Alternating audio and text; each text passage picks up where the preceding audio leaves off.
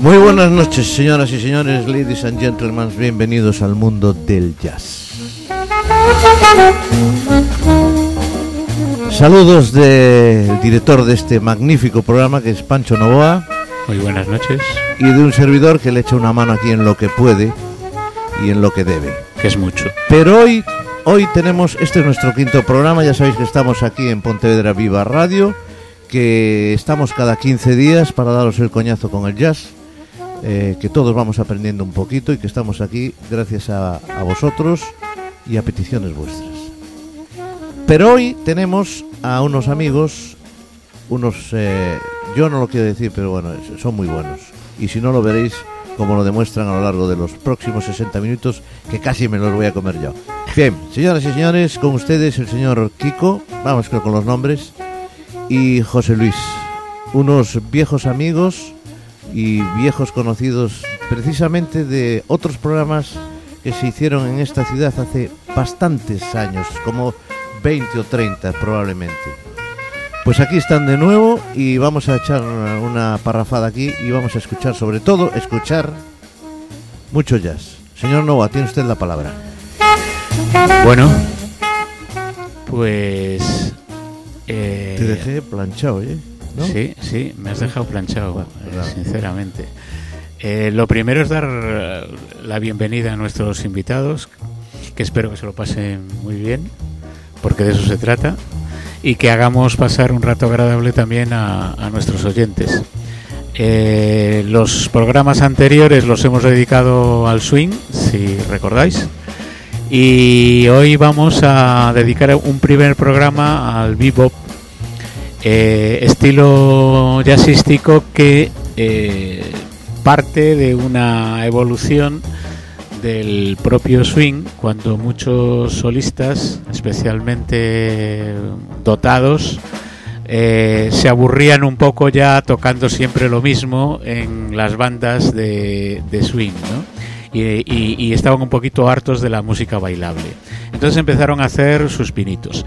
Digamos que el bebop nace un poco sobre todo de eh, escapadas, de otra forma de improvisar y de las jam sessions, en donde había verdaderas competiciones para mejorar los recursos técnicos y, y musicales de los contendientes, ¿no? Eh, cuentan que uno de los grandes del vivo, precisamente Charlie Parker, salió escaldado de sus primeras incursiones en algunas jam sessions y esto le llevó a practicar extraordinariamente velocidad, formas de interpretación, la forma de hacer las melodías para eh, de alguna manera eh, no quedar mal. es así, ¿no? Chicos. Sí, bueno, realmente eh, es, es, es, como le has dicho tú, mm, yo eh, aplicaría un matiz adicional y es que la época del swing se caracteriza por grandes orquestas eh, que en un momento determinado, cuando la crisis económica norteamericana, el crack, realmente eran muy difíciles de, de mantener, ¿no? Entonces queda muy poca, Count Basie, Duke Ellington, Fletcher Henderson y poco más. Y entonces de ahí surge la necesidad de formar pequeños combos de quintetos, sextetos o septetos y es el crecimiento este de, del vivo. ¿no? Muy bien, pues digamos que el, el, asunto, digamos las grandes claves y figuras han sido Dizzy Gillespie y Charlie Parker y, bueno, acompañados evidentemente por una serie de gente. Cuentan que Charlie Parker se inspiró muchísimo en Lester Young, eh, eh, que fue un poco el que le, de alguna manera le, hizo intuir por dónde había que tirar.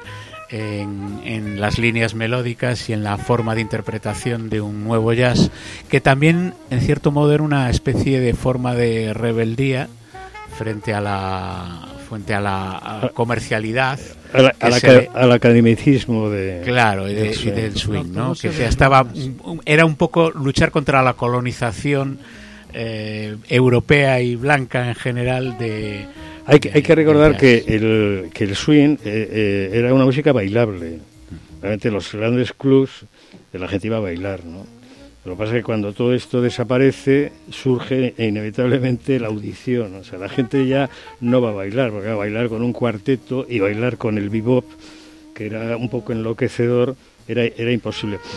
Tú has citado ahí a dos músicos, pero yo creo que hay que darle la importancia que se merece a Thelonious Monk, que no, no yo no personalmente, porque realmente yo no pero la gente enterada le, citó un poco como precursor de esa arritmia, de esa tonalidad que caracteriza al, al bebop, ¿no? saliéndose del academicismo del swing, que al final es una música un poco todavía europea, una música bastante lógica. ¿no? Yo creo que esta época es cuando el jazz empieza a nacer, es decir, hasta ahora las grandes bandas tenía una música muy ortodoxa, era una música muy, muy formal, muy enlatada, muy estructurada, y aquí empieza a desarrollarse lo que de alguna manera entendemos como jazz, música de improvisación, música que sale en el momento en que se está eh, tocando, según va saliendo, según te va dando el otro músico un compás y tú le vas cogiendo la nota, o si simplemente porque el público te da una reacción y tú vas reaccionando. Aquí es donde realmente empieza esa música improvisatoria que nos apasiona. Pues vamos a, ponerlo bien claro, eh, escuchando ya el primer tema de nuestra selección de hoy, que se titula precisamente Bebop. Es un tema de Dizzy Gillespie, la grabación es de 1945 y, bueno, dice Gillespie, a la trompeta, junto con otra serie de buenos músicos como Trami Young al, trombón, Don Bias al, al saxo tenor, Clyde Hart al piano, Oscar Pettiford al bajo y Sally Mann a la batería.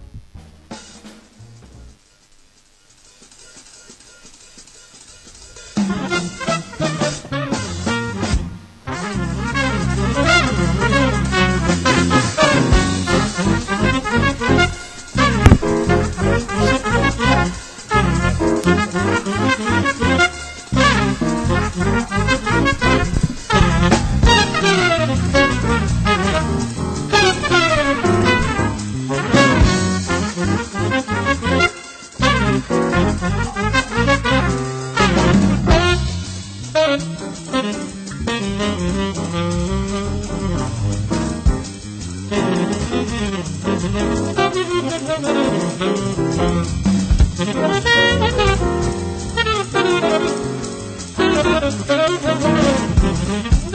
you.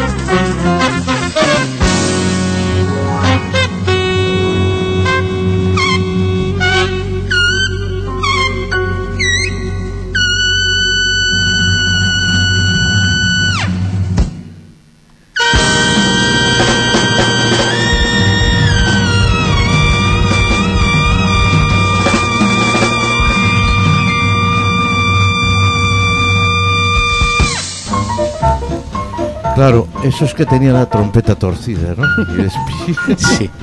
Se cuenta, se dice, no sé, vosotros sabéis de eso. Venga. Antes de nada, esto es Pontevedra Viva Radio, esto es Apuntes de Jazz y hoy estamos aquí con compañía, con Kiko y con José Luis, expertos jazzistas y además es nuestro director del programa, el señor Pancho Nova. Aquí un mandado. Adelante. Bueno, pues ya habéis visto que esto difiere bastante de lo que hemos escuchado en días anteriores con el swing. El ritmo tan vivo, evidentemente era un- una clara manifestación de que esto no lo bailáis vosotros.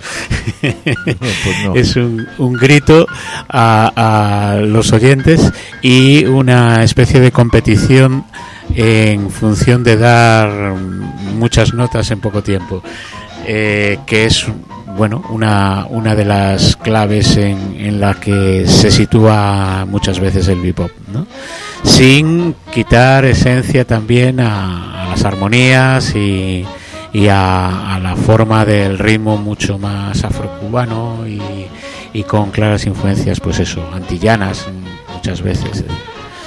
Y Yo, yo realmente eh, destacaría, eh, todo el mundo sabe que los, los grandes músicos de jazz no tocan con partitura en general, salvo que sean grandes formaciones, ¿no? Y este corte que es muy representativo eh, y que se llama es- exactamente bebop, los cortes sincopados que hay realmente tan, tan medidos, tan precisos entre la percusión, la batería, eh, la trompeta y el saxo hablan de, de una maestría absoluta, ¿no? Desde luego esto no era para principiantes, o sea, eh, está claro que, que eran gente con una gran habilidad técnica y, y muchísima práctica en, en, en todas esas jam sessions en las que realmente se competía. Sí. Eh, era competición pura y dura. Y, y bueno, vamos a, a continuar con, con la selección de temas porque si no nos vamos quedando atrás, ¿no? Don Tino. El caso es que el segundo tema, pues es un clásico, realmente es un tema absolutamente estándar del bebop.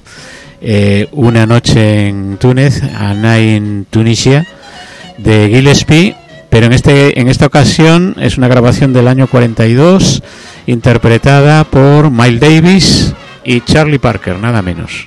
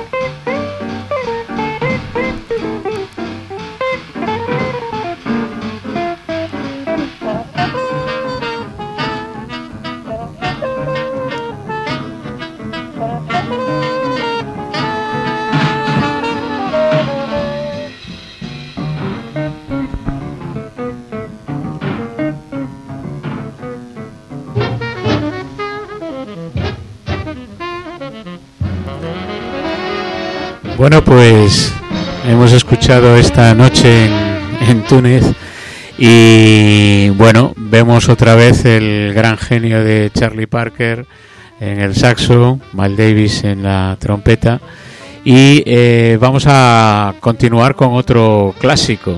Eh, pues Con los bajos es donde realmente vais a entender todo lo que todo lo que está transmitiendo esta música. Los solistas están muy bien, pero la base es la que os va a ir metiendo poco a poco, poco a poco en esa melodía y os va a ir entrando en los poros, que es como se escucha el jazz.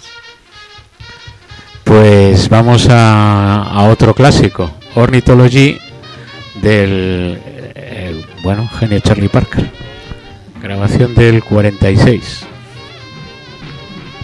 Eh, yo simplemente decir que eh, para la gente que nos escucha, que tendrán unas edades medias mucho más jóvenes que las nuestras, a estas fechas que estamos dando del siglo XX, principio de la primera década del siglo, pero es que son todos clásicos en este momento. Todos estos temas, todos los jóvenes y asistas, todos las siguen tocando. ¿no? Sí, sí, sí. Eh, veremos además hasta qué punto en breves temas el, eh, estamos hablando de, finales de la Segunda Guerra Mundial y, primeros años de la posguerra. Años 40. Venga, pues vamos con Ornithology.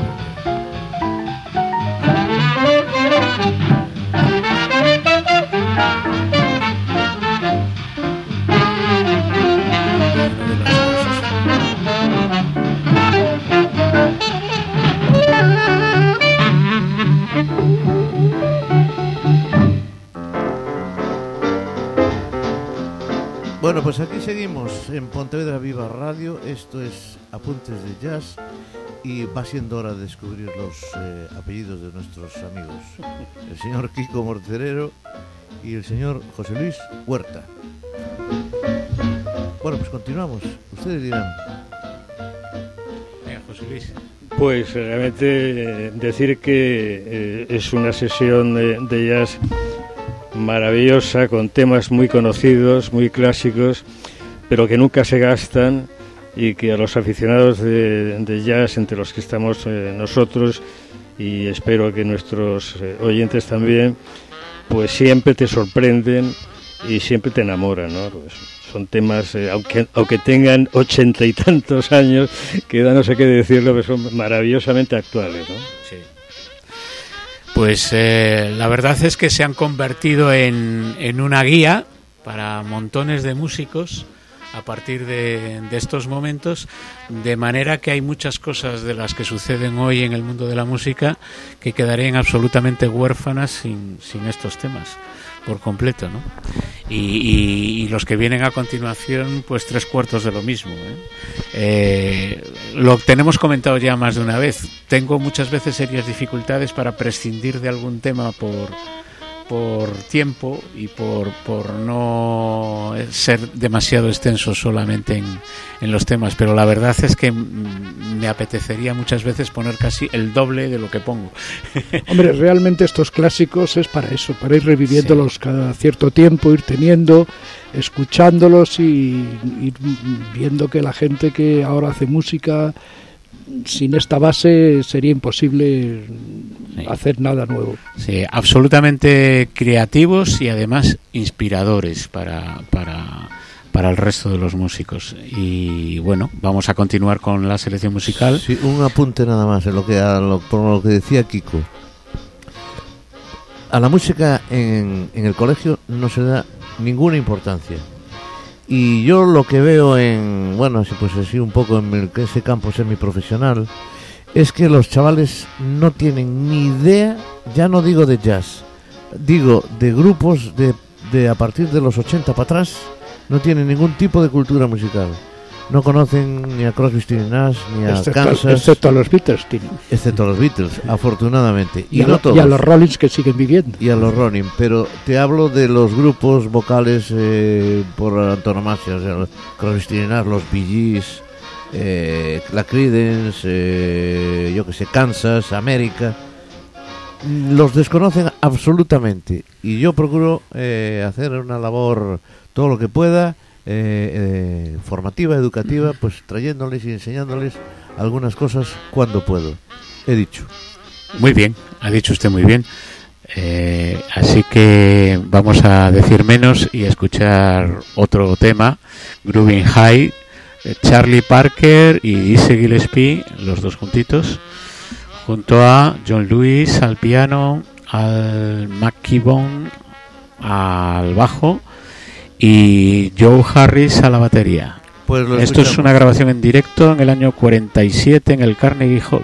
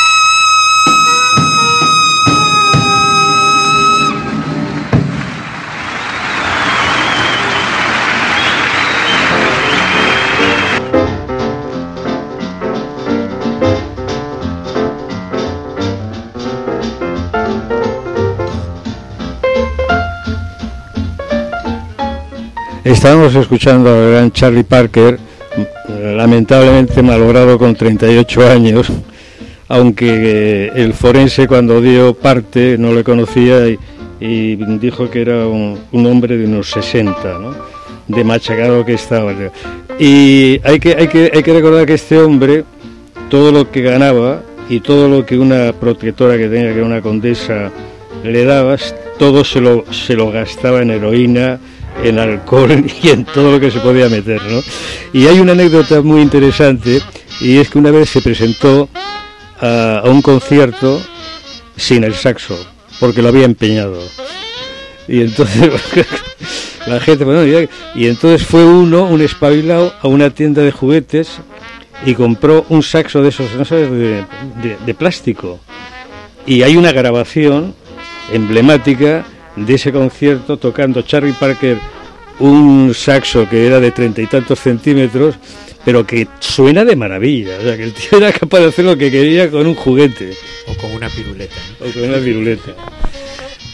Bueno, pues pues efectivamente, el caso es que cuentan que si no hubo muchas más grabaciones de Dizzy Gillespie con él, que en muchos casos eh, lo hicieron juntos, fue porque Dizzy Gillespie, digamos que era un, tipo más templado y, y, bueno, no sé si llamarle sensato, pero sí, sí, que, sí que de alguna manera no quiso entrar en ese... No, sí, sí entró. Lo que pasa es que fue el único que salió rápidamente, porque todo lo que estamos escuchando todos, Davis, Delmont, Parker, Coltrane inclusive, toda esta gente, todos realmente se metieron en el mundo de la droga, que forma parte del, del mundo nocturno. Y el único que realmente estuvo poco tiempo y salió muy bien y muy limpio fue fue realmente Gilles A eso me refería precisamente. Bueno, supongo que todo el mundo tiene en mente eh, la imagen de Dizzy Gillespie con sus enormes mofletes transparentes transparentes eh, soplando la trompeta, ¿no? La trompeta, la trompeta que e-, erecta hacia arriba. Efectivamente completamente erecta. y bueno, Kiko, puedes contar también, eh, porque hay también rumorología sobre cuál fue el origen de esa... Bueno, cuentan que se cayó la trompeta y se torció, y entonces como no había otra trompeta y como estaban en pleno concierto, pues entonces siguió tocando. Comprobó que la trompeta sonaba bien, que la música era la que él quería, y entonces las siguientes ya me imagino que se las, se las harían a propósito, ya con esa característica eh, inclinación hacia arriba de la trompeta. No es que sea patente, pero bueno, eh, todo el mundo cuando nos imaginamos a Dizzy Gillespie son los mofletes y la trompeta hacia arriba. Efectivamente. Bueno, y aparte de un tipo con un gran sentido del humor. Y es fácil de, caricaturizar, ¿no? Sí. Fácil, fácil. Sí, sí. Bueno, pues seguimos. Estamos ya en la mitad de nuestro programa. Nos quedan aproximadamente, bueno, podemos. Eh, la dirección del, de Pontevedra Viva Radio nos da permiso para estirarnos un poco, pero bueno, tampoco vamos a abusar. Aunque si es preciso lo haremos. De acuerdo. Continúe usted, señor. Bueno, pues vamos a escuchar otro tema de Charlie Parker eh, para pasar a otros buenos artistas dentro de este terreno, porque aún nos quedan algunos nombres ilustres por, por escuchar. Eh, vamos a escuchar otra grabación de Charlie Parker, Don Ali, eh, grabación del año 47, en donde vuelve a tocar otra vez con Miles Davis a la trompeta, Bud Powell al piano, Tommy Potter al bajo y eh, nada menos que Max a la batería.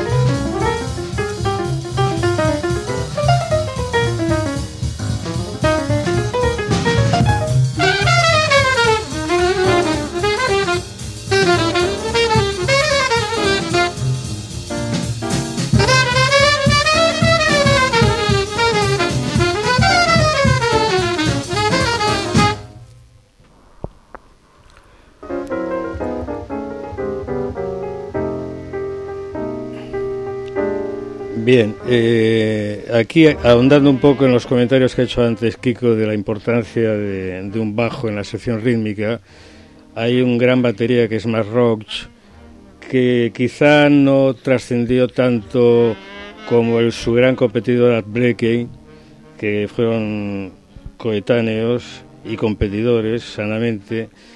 Y Mark Roach se quedó en un plano un poco secundario, ¿no? porque Art Blakey realmente luego formó eh, The Jazz Messenger con gente maravillosa y se llevó un poco el gato al agua, pero el trabajo que, que hace Mark Roach en todas sus grabaciones es maravilloso. Bueno, pues mm, vamos precisamente a escuchar otra grabación, en este caso de Miles Davis. Es un clásico compuesto por Cole Porter y que se titula Love for Sale. Eh, está acompañado nada menos que de John Coltrane, Bill Evans y Cannonball Adderley.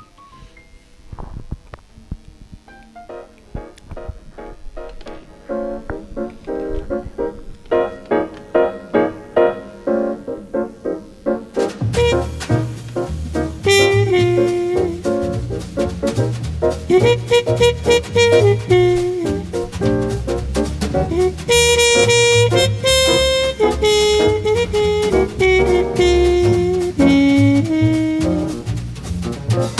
Hee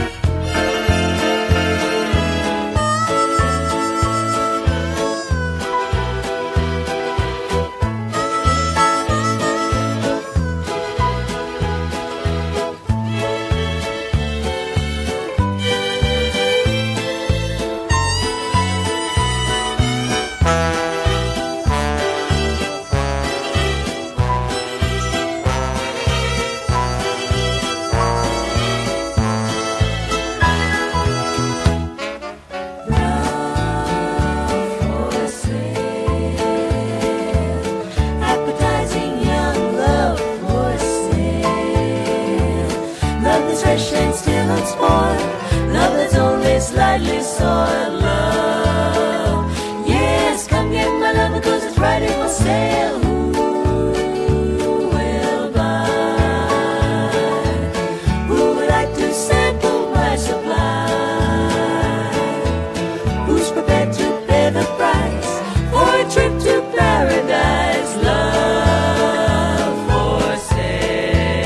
Bien, pues yo tenía que meter aquí la puntillita, ¿eh? Manhattan Transfer, Lord for Sale, sobre una versión, digamos. Señor casi. Tino, si no mete la Claro, no se queda claro. contento.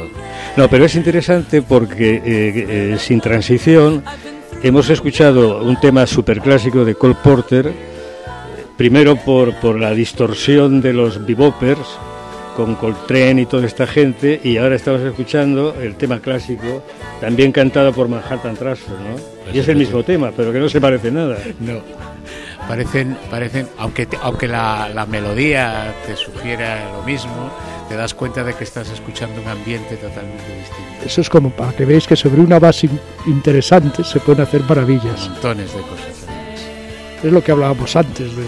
Y es la clave de que muchos de estos temas hayan tenido mil versiones, Claro. porque se prestan para eso.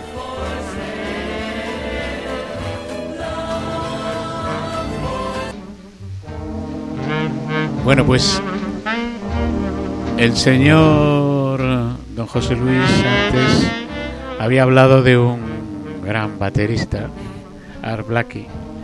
Y Bueno, aquí te quiero decir una cosa. pues venga, Yo soy un enamorado de Marlon. de más Roads. La forma de tocar, esa dulzura, ese acariciar los parches, sin estridencias, mm, haciéndote viajar de un sonido a otro, me apasiona.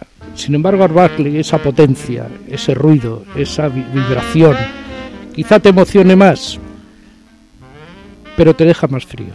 Bueno, eh, esto va según gustos. Hay gente que le gusta más la energía eh, puesta en marcha. Por en- eso lo, por eso lo pongo en la en- polémica, claro, porque claro. es- son la, la dualidad siempre de las Eh, baterías. en este caso, si la polémica la buscas conmigo, probablemente no la encuentres, porque yo soy más de ese también tipo de, de drummers, de- o sea, de bateristas que, que tocan con más suavidad, que no hace falta aporrear los parches y tocar con, con otra con otra gama de, de sonidos, jugando además con los sonidos. Sí, pero, de- pero hay un aspecto, hay un aspecto que no se nos debe olvidar y es que esta gente tocaba en directo y que no tenía realmente monitores Ni y que, secuenciadores. y que Eh. ni secuenciadores. Entonces la importancia de un batería contundente que se impusiera a todo ese follón de trompetas, saxofones, era muy importante también. Por eso, Por eso Art hablaba Black- yo antes de la energía. De la energía. La energía que produce y que lleva realmente a todo el grupo de gente. Lo que pues- pasa que estamos discutiendo en la distancia. Yo tengo Es decir, que... Viéndolo ya ahora, escuchándolo con otras técnicas y escuchándolo de otra manera. Y ahí sí que podemos entrar. Por, a lo mejor en los años 40 pensaría de otra manera. Pero hoy por hoy, y escuchándolo, me gusta más Roat. Bueno, Muy pues yo tengo que decirles que estoy disfrutando con estos tres sabios del jazz, lo digo en serio, porque yo poco entiendo de este tema. De todas maneras, recordaros que estamos ya a ocho minutos del final de nuestro programa, que nos gustaría meter mucho más y vamos a meter pues dos, Pues tres pon- cancioncitas pon más. Morning de Art Blakey and the Jazz Messengers en una grabación en directo del año 58. composed our pianist Bobby Timmons. It's a little thing we recorded on, can I say it now? Blue Note.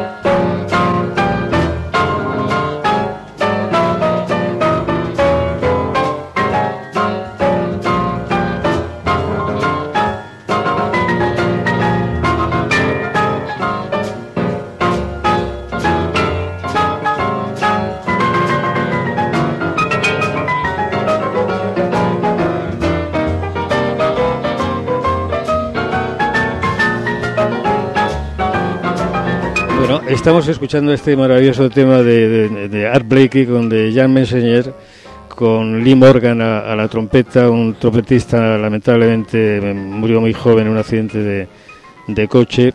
Y, y destacar únicamente que de Jazz Messenger pues fue una auténtica universidad de, de jazzistas, ¿no? Por ahí pasaron muchísima gente que luego tocó con Davis y que todos se abrieron camino eh, porque el que tocaba con Art Blakey realmente era, era estaba tocado por la mano de un, de un gigante. ¿no? Bueno, pues, pues de gigante a gigante vamos a, a despedir la selección musical de hoy, que espero que os haya gustado, con alguien al que admira mucho también José Luis, que es Thelonious Monk. Y creo que esta selección de hoy quedaría coja sin, sin escucharle. Vamos a escuchar un tema de él, además, que ha sido versionado muy recientemente por una cantante como Amy Winehouse, que fallecida también recientemente, que es el tema Round Midnight. Eh, Thelonious Monk con Dizzy Gillespie a la trompeta, Sonny Stitt al saxo, eh, Kay Winding al trombón, al McKibbon al bajo y, na- y nuevamente Art Blackie a la batería. Bueno, pues lo dicho, muchísimas gracias por escucharnos, por aguantarnos. Muchísimas más gracias todavía al señor José Luis Huerta y al señor Kiko Morterero, que esperamos tenerlos aquí bastantes veces. No sé si querrán, pero bueno, Cuando queráis. bien. Y nada más. Y yo, espero que, que hayamos disfrutado todos, eh, tanto nuestros invitados como nuestros oyentes, tanto como hemos disfrutado personalmente el señor Tino Domínguez y un servidor. Así que hasta pronto. Una noche para recordar. Thank